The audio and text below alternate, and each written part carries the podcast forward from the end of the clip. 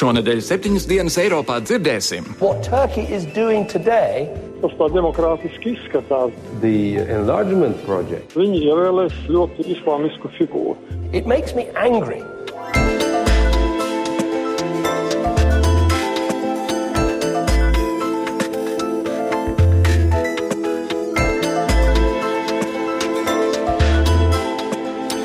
Labdien, godājumie klausītāji! Sveicināti pirmdienā, sveicināti raidījumā septiņas dienas Eiropā, kur spriežam par to, kas aktuāls Eiropā un par ko pēdējās dienās runāja pasaulē. Studijā Kārlis Streips. Jūs nu pat ziņās dzirdējāt, ka Krievija ir sākusi it kā piekrist domai, ka humanitāru palīdzību Ukrainas dienvidu austrumos varētu sniegt uh, apvienoto nāciju organizācija. Tas ir nācis pēc tam, kad Amerikas Savienoto Valstu prezidents Baraks Obama, Vācijas kanclere Angela Merkele un Lielbritānijas premjerministrs premjerministrs Deivids Kamerons brīdināja Krieviju, lai tā neveic nekādus slepenus iebrukumus Ukrainā, izmantojot humanitārās misijas kā aizsegu. Visi trīs vadītāji vienojās, ka jebkura Krievijas iejaukšanās Ukrainā pat tā sauktā humanitārā palīdzība separatistiem pārkāptu starptautiskās tiesības un drīkstētu notikt tikai un vienīgi ar Ukrainas piekrišanu. Jautājums, protams, ir ne tikai par separatistiem, bet arī par cilvēkiem, kas dzīvo viņu sagrābtajās teritorijās. Ja Krievija kaut ko tādā ziņā darītu, tad starptautiskajai sabiedrībai nāktos tai uzlikt vēl stingrākas sankcijas. Tiesa, šie brīdinājumi ir nākuši pēc tam, kad pati Krievija iesniedz priekšlikumu ANO drošības padomē par humanās palīdzības konvoju sūtīšanu uz Ukrainu. Vairāk par Ukrainas konflikta attīstību Gitas Siliņas sagatavotajā pēdējās nedēļas nozīmīgāko notikumu atskatā.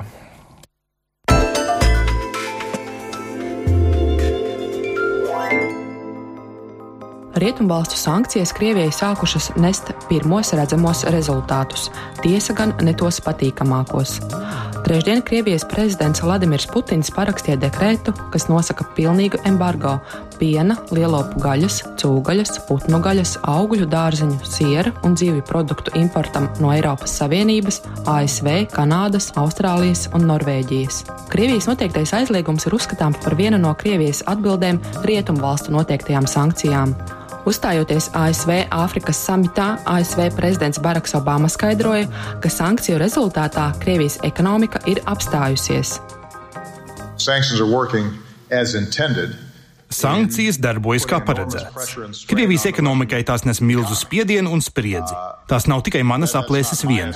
Ja raugās uz tirgiem un kapitāla aizplūšanu, kā arī uz Krievijas izaugsmas perspektīvām, tad var redzēt, ka ekonomika ir apstājusies. Sankciju iespējā vairāki Krievijas turu operatori dažu dienu laikā izziņoja par savas darbības apturēšanu, un aptuveni 20 tūkstoši Krievijas turistu aizvadītajā nedēļā palika iesprostoti ārvalstīs. Savās interneta mājaslapās uzņēmumi soli skaidroja ar rubļa vērtības krišanos un negatīvo politisko un ekonomisko situāciju. Darbu bija spiesta pārtraukt arī Krievijas līdzsabiedrības Aeroflot lēto lidojumu aviokompānija Dobralet kas jūnijā sāka piedāvāt lidojumus uz Krievijas anektēto Krimu. Uzreiz pēc tam Krievijas mediji sāka minēt, ka kā atbildes soli Krievija apsver iespēju aizliegt Eiropas aviokompānijām lidot tranzītā caur Krievijas teritoriju. Pat labam daudzas Eiropas aviokompānijas, lai ātrāk un ērtāk nodrošinātu reisus starp Eiropu un Āziju, lido virs Sibīrijas. Ja aizliegums stātos spēkā, aviokompānijām būtu jānovirza savi lidojumu maršruti uz līča vai polārajiem maršrutiem. Eksperti ziņu aģentūrai Reuters ir lēsuši, ka tas palielinātu Eiropas aviokompāniju eksploatācijas izmaksas uz pusi, jeb līdz 150 miljoniem eiro gadā. Taču tas arī nozīmētu zaudējumus Krievijas nacionālajai aviokompānijai Aeroflot, kas no ārvalstu aviokompānijām par tranzītlidojumiem pāri Krievijai saņem vairāk nekā 200 miljonus eiro gadā. ANO drošības padomes ārkārtas sēdē Krievija arī ierosināja pastiprināti pievērties humanās krīzes risināšanai Ukrainas austrumos. ANO sēdē neviena no valstīm Krievijas ierosinājumu neatbalstīja, uzsverot, ka Krievija varētu ievest Ukrainā savus bruņotos spēkus, nodēvējot to par humāno misiju. Tikmēr humanā krīze Gazas joslā bija vēl viens no aizvadītās nedēļas apspriestākajiem tematiem. Izraēlas armija paziņoja, ka tā ir sasniegusi savu galveno mērķi četru nedēļu ilgajā sauszemes spēku operācijā Gāzes joslā esot izdevies sagraut tuneļus, pa kuriem kaujinieki iekļūst Izrēlā. Tādēļ Izrēla nolēma atvilkt armiju no Gāzes joslas. Diemžēl piekdien atsākās appusējā apšaude, un trauslais pamieris atkal tika pārtraukts. Aizvadītajā nedēļā Eiropa sasniedza ziņas, ka Portugālei draudu banku krīze. Portugāles valdība paziņoja, ka ir spiesta glābt valsts trešo lielāko banku, Banko Espirito Santo. Tās slikto daļu nolemts slēgt, bet veselīgos aktīvus pārveidot jaunā bankā. Tas solās būt viens no pirmajiem testiem jaunajiem Eiropas likumiem, jo bankas zaudējumus seks nevis nodokļu maksātāji, bet akciju turētāji.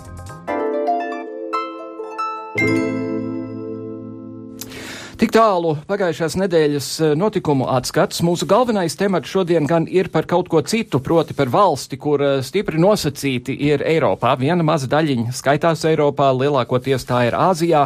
Runa, protams, ir par Turciju, kur vakar Turcijas premjerministrs Erdogans uzvarēja savas valsts pirmajās tiešās tautas ievēlēta prezidenta vēlēšanās. Viņš ieguva aptuveni 52% balsu, galvenais pretinieks Ihsanolu tikai 38%, un šis pārsvars nozīmē, ka otrā vēlēšanu kārta nebūs nepieciešama. Erdogans saviem atbalstītājiem sola sociālā izlīguma periodu, sakot, atstāsim vecās diskusijas vecajā Turcijā. Šis cilvēks ir vadījis savu valsti kā premjeras jau kopš 2003. gada. Pastāvošā kārtība liedza viņam kalpot vēl vienu termiņu premjerministra amatā. Kādreiz Turcijas prezidentu ievēlēja parlaments, bet Erdogāna valdība panāca satversmes grozījumus, lai tagad prezidentu varētu ievēlēt tauta. Līdz šim prezidenta amats lielākoties bijis ceremoniāls, bet Erdogans ir apņēmies prezidentūru padarīt par spēcīgu politisku iestādi. Viņa pretinieki apgalvo, ka tas tikai apliecina viņa tendences uz varas sagrābšanu.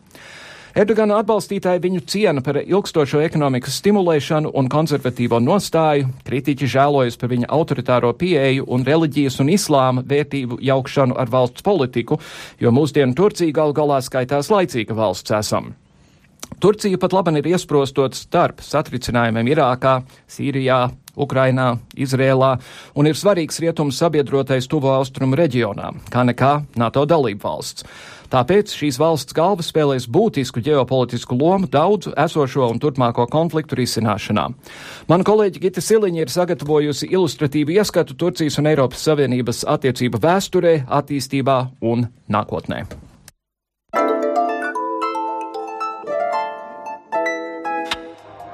Tā neatbilst Eiropas filozofijai un sekojoši tam arī Eiropas standartam.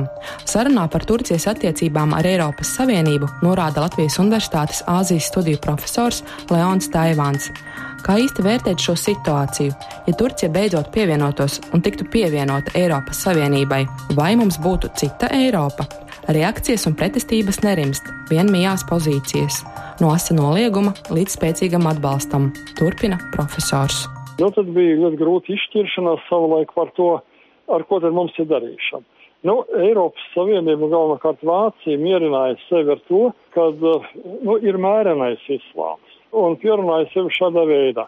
Uz šodien ir noskaidrojies, ka situācija ir pavisam citāda, kad nevar būt mērenā islāma. Islāms ir uh, tikai, tā teikt, tā ir cita civilizācija, citas kultūras īpatnības, kuras ir ļoti grūti savienojams ar Eiropas vērtībām. Britu premjeras Deivids Kamerons desmitajā gadā preses konferencē apgalvoja, ka tie, kas iebilst pret Turcijas pievienošanos Eiropas Savienībai, ir iedalāmi trīs kategorijās. Par savu ekonomiku bailīgie, polarizētie, kuri domā, ka turkiem būs jāizvēlās starp rietumiem un austrumiem, un vēl tie, kuri neizprot islāmu. Kamerons ļoti stingri un kaislīgi norādīja, ka ir apņēmies bruģēt ceļu no Ankaras uz Briseli. When I think about what Turkey has done to defend Europe as a NATO ally, Kad es domāju par to, ko Turcija ir darījusi, lai aizsargātu Eiropu kā NATO sabiedroto, un to, ko Turcija darīs Afganistānā līdzās mūsu Eiropas sabiedrotajiem, tas padara mani dusmīgu, ka šo virzību un dalību Eiropas Savienībā kāds var būt neapmierināts. Mans viedoklis ir skaidrs. Es uzskatu, ka ir nepareizi teikt, ka Turcija var tikai sargāt nometni, bet tai nav atļauts sēdēt teltī but not be allowed to sit in the tent. Tomēr pret Turcijas iestāšanos Eiropas Savienībā ir un bija asi noskaņotas daudzas valstis. Visbiežāk Turcijai pārmesti cilvēktiesību pārkāpumi, arī pārāk lielā armijas loma politikā un konflikti ar kurdu minoritāti. Skarba pozīcija bijusi piemēram Francijai un tās iepriekšējiem prezidentam Nikolā Sarkozī, kurš bija pat izteicies, ka Turcijai nekad nevajadzētu pievienoties blokam. Taču pērn Francijas attieksme kļuva mērenāka, un tā bija gatava atsākt sarunas par valsts pievienošanos Eiropas Savienībai. Daudzu gadu ilgais process ir bijis sāpīgs, lēns un pretrunīgs, kas atgādina apburto loku, un tam ir sava vēsture. Turpina Leons Taivāns. Tas tiešām ir abortais lokus. Tas tiešām ir abortais lokus. Jo tiešām Turcija nepiedalījās Otrajā pasaules karā. Bet, kad karš beidzās, vairākas, zeme, vairākas valsts formāli iestājās sabiedroto pusē, un Turcija bija viena no tādām, kas formāli iestājās tātad e, antihitleriskā koalīcija, e, un vēlāk Turcija ļoti aktīvi sadarbojās ar, ar, ar Eiropu un Amerikas Savienotām valstīm, pievienojās militāriem blokiem, pievienojās dažādām Eiropas, nu, piemēram, Eiropas komisijas locekli, viņi ir no, no ļoti agrīna perioda, 40 gadiem. I, nu tā, Bet Turcijas eh, savādā situācija ir saistīta galvenokārt to, to, ka viņi geogrāfiski atrodas, nu, tā teikt, atrodas, tā teikt, Eiropas geogrāfiskajā zonā, jo Turcijas teritorija bijušas Bizantijas, jeb Austrum Romas impērijas eh, daļa. Austrum Romas impērijas ir Bizantijas daļa. Bizantija skaitījās nu, uz robežas, bet viņi bija kristīgi, viņi gan bija ortodoksi vai pareizticīgi, runāja grieķu valodā. Dzīvoja tur galvenokārt grieķi. Čurka ar 11. gadsimtu sāk iespiesties šajās teritorijās iekšā un pārņem šo teritoriju. Tātad viņi kļūst par islāmu un par čurku zemi, nevis indo-eiropiešu un kristiešu zemi.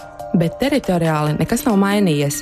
Turcijai arī šobrīd ir sarežģītas attiecības ar tuvo austrumu kaimiņiem, gluži tāpat kā Izrēlai. Turcija, Izrēla un Irāna tiek uzskatītas par tuvo austrumu perifēriju, kas atrodas uz robežas starp citiem reģioniem. Tāpēc tā aizvien ir tādā situācijā, kādā ir, norāda profesors Taivāns. Tikmēr Cengis Aktars, kurš ir Eiropas Savienības attiecību pētnieks Stambulas politikas centrā, uzskata, ka Eiropai noteikti ir vajadzīgs vairāk Eiropas. Un kāpēc tas nevarētu notikt šādā veidā, Turcijai pievienojoties Eiropas Savienībai? Pēc profesora Aktara domām paplašināšanās iespējama trīs veidos, viens no tiem ar zaļās ekonomikas līdzdalību. One is the green economy. I mean, Europe Eiropai vajadzētu parādīt pasaulē tieši tāpat, kā tas bija pēc 1945. gada, ka faktiski ir iespējamas neiespējamās lietas. Tāpēc, ka 1945. gadā miers nebija iespējams. Vairs nebija daudz cīņas, bet nebija arī miera. Veids, kā tās valstis, kas cīnījās viena ar otru, sāk integrēties caur Eiropas projektu, liecināja, ka miers ir reāli iespējams. Tieši tāpat kā šajā miera projektā, Eiropa tagad var nākt klajā ar zaļo projektu, jo pasaulē ir vajadzīga vides apziņa un izpratne. Savukārt otrs veids ir līdzās pastāvēšana ar islāmu, uzskata Cengis Aktars. Tas noteikti ir viens no veidiem, kas ļaus Eiropas projektam progresēt. Izpratnē par to, cik svarīgi ir līdzās pastāvēšana ar šo citu reliģiju. Eiropa nekad īsti nav sadzīvojusi vienādos apstākļos ar islāmu. Tas būtu liels izaicinājums ne tikai Eiropiešiem, bet arī tām valstīm, kuras ir pamodušās Eiropai kaimiņos. Ne tikai tuvajos austrumos, bet arī Ziemeļāfrikā un ārpus tās. Eiropiešiem ir nepieciešams padomāt par to. Kā trešo būtisko lietu, kas iespējams tuvinātu Eiropai arī Turciju, profesors Aktars interneta žurnālam Resetdoc nosauc pašu Eiropas Savienības paplašināšanās nepieciešamību. Trešais ceļš ir paplašināšanās projekts. Šis projekts tika nesen sagrauts un pagaidām nav vairāk ticību šai politikai, kas bija ļoti veiksmīga. Eiropiešiem nebija ne jausmas par to. Nesen Eiropas Savienībā bija darījums starp Kosovu un Serbiem. Tas bija pagrieziena notikums, kas notika 2013. gada 23. aprīlī. Un šie divi ļoti seni ienaidnieki Balkānos, Albāņi un Serbi, faktiski ir piekrituši atzīt viens otru netieši. Tie abi kļūs par Eiropas Savienības dalību valstīm, un tiem ir kopīga robeža. Tas ir liels sasniegums, un Eiropai joprojām ir potenciāls. Tas joprojām ir brīnišķīgs projekts. Bet visās šīs valstīs, kas ir šajā apkārtnē, nav vienādi politiskie un ekonomiskie standarti kā Eiropas valstīs. Profesors Aktars uzsver, ka Eiropai vajadzētu vispirms pārstāt baidīt sevi un apkārtējos un lūkoties 21. gadsimtā ar jaunu motivāciju. Tikmēr pati Turcija sagaida savu jauno prezidentu. Profesors Leons Taivāns, aicināts komentēt vēlēšanas, kur Turcijā pirmo reizi prezidentu izraugās sabiedrība, nevis parlaments, saka šādi. Tāda prezidents ir tā, ka šeit tas tā demokrātiski izskatās, bet Ēģiptes pieredze jau uzrāda, kāda ir tā realitāte. Man ir demokrātiskas vēlēšanas, ir demokrātisks process pēc teorijas, pēc definīcijas, bet ja tie vēlētāji ir cilvēki, kas ir politiski neapzinīgi, kas, eh, kurus ir viegli eh, pierunāt un sāģitēt, tad no tās demokrātijas maz kas iznāk. Un Turcijas vēlētāji vairākums tomēr ir cilvēki, eh, bezgalīgi uzticās, viņi vienkārši ir uzauguši. Islāma tā tad bioloģija, teiksim tā, islāma reliģijas diktēto noteikumu lokā. Viņi domā tā, un viņi ievēlēs tātad kaut kādu ļoti islāmisku figūru.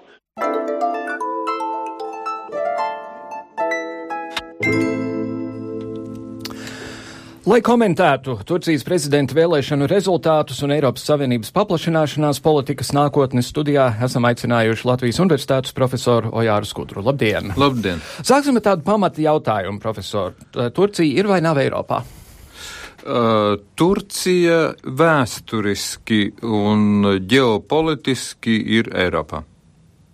Un zināmā mērā arī geogrāfiski tāds tas mazais gabaliņš. Kas, uh, jā, nu, ģeopolitiski viņi ir Eiropā gan pateicoties tam, ka neliela Eiropas kontinenta daļa pieder Turcijai, un tās ļoti svarīgais centrs, kāds ir Stambula.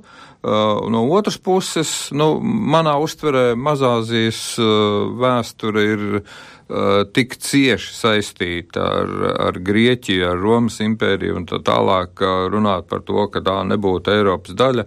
Kultūra vēsturiski, vēl jau vairāk, ja, ja runājam par Osmaņu impēriju un to, kāda liela uh, Balkānu un, un Centrāla Eiropas daļa savulaik tika kontrolēta no Osmaņu impērijas puses. Uh, nu, ir nepamatot runāt, ka Turcija tā kā nepiederētu pie, pie Eiropas. Mm -hmm. Tad eh, kā, kā jūs vērtējat eh, premjerministra Erdogāna ievēlēšanu? Jūs nu pat dzirdējāt profesoru Taivānu sakām, ka tas, tas neko īpaši labu nesakot par demokrātiju.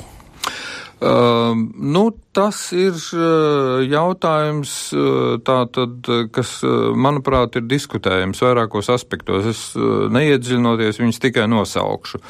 Um, tātad, kas attiecas uz Erdogana priekšvēlēšanu kampaņu, viņš nelietoja jēdzienu demokrātiju. Viņš runāja par turku tautu, atšķirībā no, no, no kreisā kandidāta, kurš pārstāvēja turkus, kurš runāja par šķirām un, un, un, un izvirzīja dažādas kreisas idejas. Tātad Erdogans runāja par turku tautu, par islāmu, par osmāņu mantojumu, nevis par to, ka tur, teiksim, kaut kādas impēriskas ambīcijas kaut kas tam līdzīgs, nekas tam līdzīgs, protams. Eh, eh, tā kā, teiksim, tā, mm, šajā ziņā viņš bija ļoti piesardzīgs, kas attiecas uz to demokrātijas daudzināšanu, bet, bet nevar noliegt to, ka viņš, viņam bija svarīgi mobilizēt iespējami plašākus sociālos slāņus, it īpaši Turcijas vidusslāni, kura lielākā daļa ir apmierināta ar viņa politiku. Tā, tas, tas viņam lielā mērā arī izdevās. Tad vēl viens punkts, kas noteikti ir jāatzīmē, viņš, protams, pauda ļoti pozitīvu attieksmi pret islāmu, bet, teiksim tā, pret islāmu kā pret civilizāciju, kā pret reliģiju un atšķirībā teiksim, no dažiem priekšvēlēšanu kampaņas tur gadījumiem, uh, priekšvēlēšanu runās. Uh, viņš pozitīvi runāja arī par reliģiskajām minoritātēm - alavīti, ebreji, kristieši, tā skaitā ortodoksālai kristieši un tā tālāk. Tiesa pastāvīgi uzsverē to domu, mēs visi esam turki, mums ir viens karoks un tā tālāk. Jā. Tā kā, teiksim, nu, to mēs Latvijā varētu saukt par integrācijas lozungu. Tā tad kas attiecas uz Eiropu un Eiropas Savienību, cik man zināms, un spriežot arī, teiksim, pēc nu, ļoti liela popularitāte iegūša viena reklāmas video rullīša, kurš Erdogans, protams, ir centrālā figūra, Eiropas Savienība viņa priekšvēlēšana kampaņā nefigurē vispār. Uh, līdz ar to, teiksim, nu, viņš ir pietiekoši realistiski domājošs politiķis, lai saprastu, nu, ka Turcijas iestāšanās uh, Eiropas Savienībā pārskatāmā nākotnē ne, ne viņam ir vēlama, ne arī reāli iespējama. Uh, tā tad vēl viens sasniegums, kas noteikti ir jāatzīmē, lai tad nosaukt tos kritis, kritizējumos punktus, viņš bija pirmais Turcijas politiķis, kurš uzsāka nopietnas sarunas ar kurdiem un viņš bija tas, kurš savā vēlēšanu kampaņā panāca, ka daļa kurdu nobalsoja par viņu. Eh, kas neapšaubām ir, ir Turcijas stabilizējošs pasākums un tā tālāk. Tā tad, eh, protams, bija arī problēmas. Viņš ir ļoti nikns Izraels politikas kritiķis Palestīnas jautājumā, Mm, viņš ir, teiksim, tā, nu jau pieminētais, nu, mēs viņu varētu nosaukt par eiroskeptiķi, ņemot vērā to, ka Eiropas Savienība, nu, faktiski viņa priekšvēlēšana kampaņā nefigurēja kā kaut kāds ārpolitisks sasniedzams mērķis. Viņš pilnībā un visnotaļ bija veltīts, bija veltījis sevi un sola sevi veltīt Polijas ekono... Turcijas, Turcijas ekonomiskai augšupējai un, un tās tālākai, tās, tās politiskās sistēmas tālākajai attīstībai viņam ir pilnīgi noteikti vīzija, kāds ir izdarāms, kas, protams, un tagad mēs varam pāriet pie kritikas, es piekrītu. Viņam ir izteikti autoritārs vadības un valdīšanas stils. Uh, viņš uh, tiecās, izmantojot dažādus līdzekļus, kontrolēt vadošos Turcijas mēdījus, kas viņam lielā mērā ir izdevās. Uh, viņš izmantoja administratīvo resursu, taiskaitā Turcijas valsts televīziju un tā tālāk. Tā kā, teiksim, skaidrs, teiksim, ka neapspiežot opozīcijas radikālākas izpausmes un nekontrolējot galvenos masu mēdījus, loģiski viņam tā kampaņa nebūtu tik sekmīga bijusi, kāda viņa patiesībā ir. Bet, ja runājam par pašreizējo situāciju kaimiņu valstīs Sīrijā un Irākā, Sīrija un Irāka ir Turcijas otrs lielākais eksporta tirgus. Uh, un, protams, Turcija ir vitāli ieinteresēta situācijas stabilizēšanā šajā Otrs zemēs. lielākais pēc. Otrs lielākais pēc, ja nemaldos, pēc Eiropas Savienības. Mm -hmm. Ja? Tā kā, vārdu sakot, nu, skaidrs, Turcija ir NATO valsts, no tā izriet daudz un dažādi citi konkrēti secinājumi. Kas attiecas, teiksim, uz, uz Sīrijas problēmu, tad atcerēsimies, nu, NATO pretraķešu sistēmas Patriot, tā skaitā arī no Vācijas Federatīvās republikas, tika izvietotas Sīrijas robežas stūmā, jo tur vienu brīdi nu, bija jautājums par to, vai no Sīrijas puses nevarētu sekot kaut kādas provokācijas operācijas, izmantojot uh, militāro aviāciju. Uh, pēdējos gados ir īpaši. Kā premjerministrs šis cilvēks ir drupinājis Ataturka iedibināto laicīgo valsti, tā skaitā atvieglojot noteikumus par to, ko sievietes nesā un tā tālāk. Uh, ļoti, ļoti ilgi, ja kāds politiķis būtu pat tā kaut ko iepīkstējies, Turcijas bruņoties spēki būtu teikuši, nē, nemīļais, tā nu, tā nu mēs nedarīsim, ej prom. Uh, savukārt viņš, cik es esmu lasījis, ir gandrīz pilnībā neutralizējis militāros spēkus, tai skaitā at, novācot ģenerāļus un apgalvojot, ka tur ir pārāk ietekmīgs tas garīdznieks uh, Amerikā, kurš, kuram esot kaut kāda mistiska kontrola. Uh, ko tas nozīmē NATO dalību valstī? Ka, ka, ka dalību valsts armiju būtībā ir zem savas tupeles paņēmis viens politiķis. Tā tad, nu, te jāņem vērā sekojošais. Teiksim, es uzskatītu, ka, ka tie ir tādi otršķirīgi pakārtoti mērķi, jo, ja runājam par Turciju kā NATO dalību valstu, ņemam vērā, kas ir tās kaimiņos. Nu, ir viennozīmīgi skaidrs, teiksim, ka, ka Turcija, protams, tiecas uz situācijas stabilitāti, bet, bet, bet Turcija viennozīmīgi, man nav zināms neviens Erdogana izteikums, kurš liecinātu par to, ka, ka Turcija kaut kā avantūristiski mēģinātu iesaistīt NATO kaut kādos plašākos militāros konfliktos tuvjos austrumos. Tas, tas pilnīgi noteikti nav viņa mērķis. Ne attiecībā. Viņš drīzāk ir par, teiksim, vēsturisko konfliktu risināšanu. Tie ir vēsturiskie konflikti ar Turki, kurdiem, kur, protams, skeptiski ir Irākas pašreizējā valdība, kas, protams, nav spējīgi valsti pārvaldīt, un, un, un tie, protams, ir tātad kurdi Irākā, kurdi Turcijā, kurdi Irānā. Viņš ir centies tas līdz galam viņam nav izdevies nolīdzināt vēsturisko konfliktu ar, ar armēņiem, kur ir gan īpašuma jautājums, gan armēņu genocīda jautājums. Tātad tur viņš ir centies nu, mēģināt rast kaut kādu modus vivendi, kas viņam līdz galam nav izdevies, bet, bet visādā ziņā ir bijuši pozitīvi mēģinājumi. Manā uztverē Erdogāna tie, tie galvenie mērķi ir saistīti ar Turcijas ekonomiku, kur gan, kā analītiķi saka, tie galvenie nopelni nav viņa, bet citu, kas aizsāka reformas jau 2000. gadu sākumā. Bet nu, ir jāatzīmē, ka pēdējo 14 gadu laikā Turcijas bruto iekšzemes produkts ir divkāršojies. Turcija pat labam ir 17. pasaules lielākā ekonomika. Tā tad tā, tā dēvētā G20 sastāvā. Erdogans ir pasludinājis, ka viņa mērķis ir panākt, lai Turcija būtu desmitā pasaules lielākā ekonomika. Uh, un, un šajā sakarībā viņš arī priekšvēlēšana kampaņā to izmantoja. 1923. gada 29. oktobrī uh, tika ievēlēts pirmais Turcijas uh, slavenais prezidents Mustafa Kemals, vēlāk nosaukts par Ataturku. 2023. gadā mm, būs jubileja. Erdogans cer, ka viņš uzvarēs atkārtotās prezidenta vēlēšanās, jo viņš ievēlēts uz pieciem gadiem. Tātad, tas ir tātad 2024. gads, un Turcija 2023 eh, bija viena no galvenajām kampaņām, jeb, jeb tēmām viņa priekšvēlēšanu kampaņā.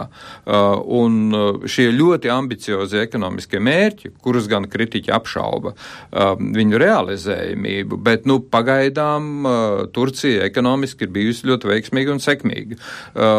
Erdogans jau būdams premjērs savas premjerēšanas laikā realizēja ļoti plašu privatizācijas programmu.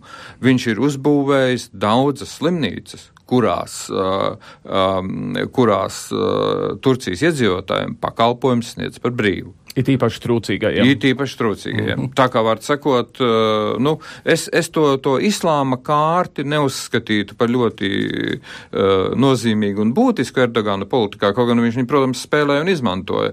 Un, un protams, ka viņš uh, ir uh, veicis to, kas, kas raisa bažas Rietumē Eiropā un, un arī Amerikas Savienotās valstīs. Viņš ir veicis Turcijas sabiedrības islamizāciju. Bet, bet tā islamizācija pagaidām ir noritējusi nu, salīdzinot ar, ar Ēģipti vai, vai daudzām citām valstīm, ļoti mēreni. Un, un, un protams, runāt par, par kaut kādiem džihādistiem vai, vai, vai, vai islāmistiem pagaidām nevar, kaut gan ir parādījušās ziņas, nu es grūti spriest, cik viņas ir ticamas, ka, ka mm, to islāma džihādistu vidū, kas, kas karo un kuri ir izveidojuši tā dēvēto um, kalifātu Sīrijas un, un Ziemeļirākas teritorijā, ka 10% karotāju nāk no Turcijas. Mm -hmm. Ar tiem kurdiem, starp citu, ir interesanti, jo Irākā Kurdistāna jau būtībā de facto ir izveidota, un viens iemesls, kāpēc Amerika tur ir sākusi bombardēt, ir, ka Kurdistānas galvaspilsētā darbojas arī amerikāņi. Ja Irākas, Irākas sabruks, kā pat labi izskatās, var, tas varētu notikt, un Kurdistāna kļūtu par vēl noteiktāku valsti, ko tas nozīmētu kurdiem, kas dzīvo ārpus šīs Kurdistā, Irākas Kurdistānas kā tādas? Es, es domāju, teiksim, ka, ka, ka Erdogans jau, jau ļoti ļoti, ļoti teiksim, intensīvi ir strādājis šajā virzienā un nodarbojas ar šo problēmu loku. Turcija ir ieguldījusi milzīgus līdzekļus Kurdistānā, Irākas Kurdistānā un tā skaitā naftas iegūst rūpniecībā. Turki tur ir ļoti aktīvi un, un piedalījušies arī pilsētu izbūvē, tīpaši tas attiec uz Erbilu un, un, un uz citām mazāk. Ja?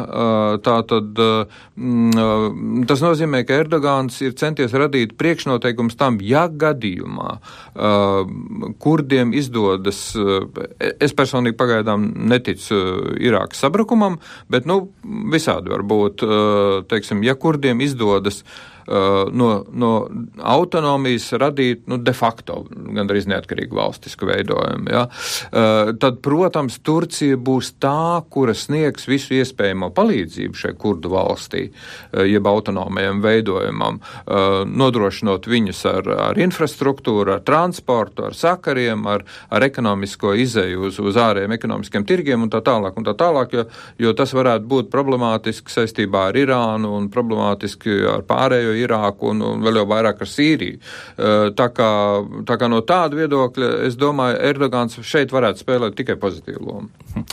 Kas attiecas uz Eiropu savukārt, eh, ja nemaldos, Turcijai asociācijas līgums ar Eiropu tagad ir bijis jau 40 gadus un ilgāk, un man liekas, viena vai divas nodaļas viņi jau ir, ir noslēguši. Es pieļauju, ka tagad Eiropai būs jāskatās, ko šis cilvēks darīs. Ja viņš tik tiešām centralizēs vāru pats savās rokās, tas neatbilst Jā. Eiropas principiem, bet mēs Jā. dzirdējām Lielbritānijas premjeru sakot, ka pilnīgi noteikti vajag tā darīt, Francija ir kļuvusi pielaidīgāk. Kā izskatās pat labāk Eiropa un, un Turcija?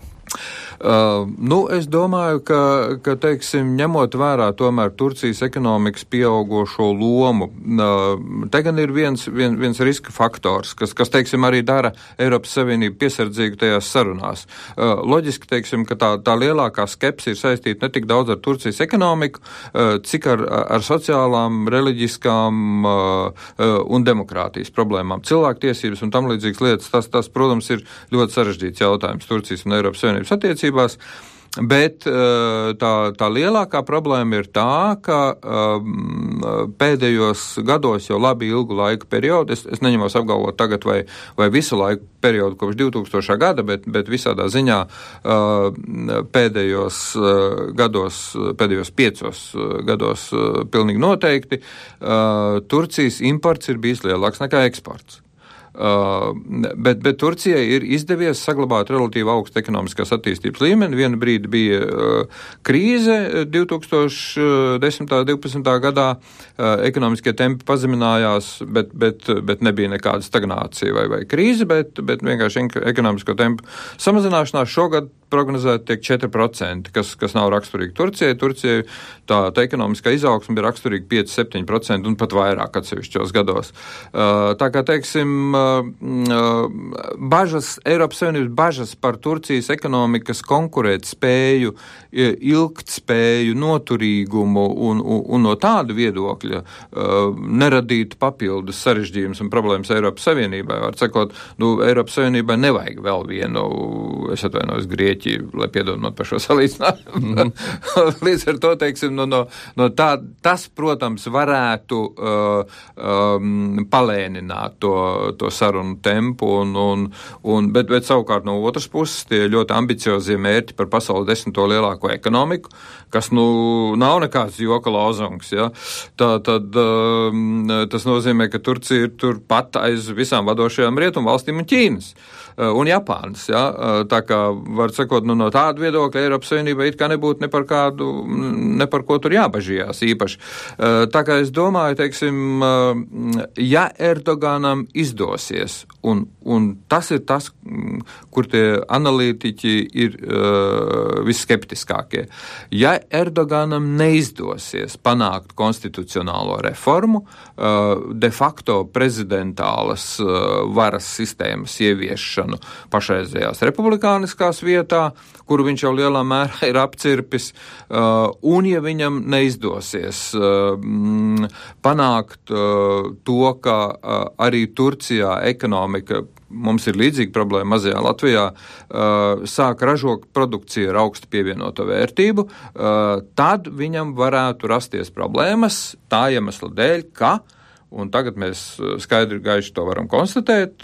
Tā kā viņš ir savācis mazliet pāri 50% balsu, tas nozīmē, ka Turcijas sabiedrība de facto ir sašķelta. Jo tā opozīcija, protams, ir atšķirīga pēc, pēc savām orientācijām. Tie, kas nobalsoja par otru islāma kandidātu, nu, viņi varbūt ir mazliet radikālāki vēl tajā islāma virzienā un tam līdzīgi. Bet, bet, bet nu, ir arī eh, kreisi un liberāli noskaņotas Turcijas sabiedrības aprindas, uh, kuras, protams, neacu galā negrib redzēt to prezidentālo varas sistēmu un, un to autoritāro uh, valdīšanas stilu un, un veidu, ierobežot pilsoņu tiesības un, un veicot citas līdzīgas pasākums. Mm -hmm. Tā kā nu, no tāda viedokļa tas, tas gala secinājums ir tāds. Es, es domāju, ka tas gliemeža temps tajā Turcijas un Eiropas Savienības attiecībās saglabāsies. Kas attiecas uz Latviju un Turciju, mums laikam Turcija galvenokārt ir vieta, kur ir kurorti un var lēti iepirkties, un tas, ka pie mums šeit Rīgā Turciet uzvarēja Eirovīzijas dziesmu konkursā savu laiku, vai, vai Latvijai ir kaut kādas īpašas intereses attiecībā uz to, kas notiek Turcijā ārpus Eiropas Savienības un NATO? Uh, nu, teiksim tā, es, uh, es domāju, teiksim, ka, ka Turcijai varētu būt intereses uh, Ziemeļa Eiropā. Uh, Uh, un uh, es savulaik atļāvos uzrakstīt tādu uh, droši vien daudziem īpaši tīkam tēzi par to, ka, teiksim, Turcija varētu censties kopā ar Krieviju ekonomiski dominēt Centrāla Eiropā, kas ir ārpus Eiropas Savienības. Uh, un Dienvidē Eiropā.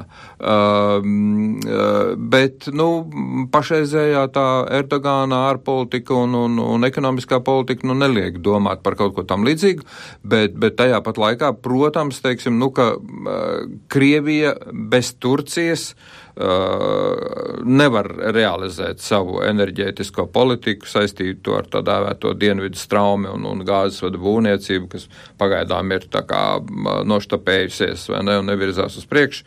Tā tad tur Turcija, protams, ir iesaistīta stipri. Nu, līdz ar to, teiksim, Turcijas attiecības ar Krieviju loģiski atsaucās arī uz mūsu attiecībām ar Krieviju un, un, un no tāda viedokļa, teiksim, un Turcijas, Turcija, protams, ir eksporta interesi intereses Ziemeļa Eiropā viennozīmīgi. Mm -hmm. Vai mēs uh, spējam kaut ko uh, piedāvāt Turcijai? Es šobrīd gribētu apšaubīt, taču, teiksim tā, Eh, Turcija varētu būt eh, manā nespeciālista izpratnē eh, tāds kā izmēģinājuma lauks, poligonu lauks, ja mūsu uzņēmēji gribētu doties islāma pasaulē un tur darboties, nodarboties tur ar biznesu. Nu, man liekas, Turcija ir tā drošākā vieta, kur to iesākt un, un, un mēģināt noskaidrot, nu, vai mēs ar savu mentalitāti, mūsu uzņēmēji, vai mēs tur vispār esam spējīgi uh, normāli nodarboties ar biznesu. Un pēdējais jautājums. Eh, man sāk likties, ka pašā islāmā pat labam veidojas diezgan izšķirīga cīņa par radikālismu nākotni, jo tie, tā dēvētā islāma valsts, kas ir izveidojusi jūs minēto kalifātu, un vai vismaz mēģinājusi to darīt, pat Al-Qaida pateica, nē, nē, tie ir pārāk traki. Savukārt sultān, Brunais sultāns nu pat ir atradis pa vajadzību ieviest šariatu savā valstī, kā rezultātā tiek boikotēts viņam piedarošais luksus viesnīcas Amerikā un Londonā. Kaut kā šķiet, ka ir šis pēdējais centiens kaut kā to radikālismu nolikt ielikt, eh, ielikt kā tiešām esošu lietu?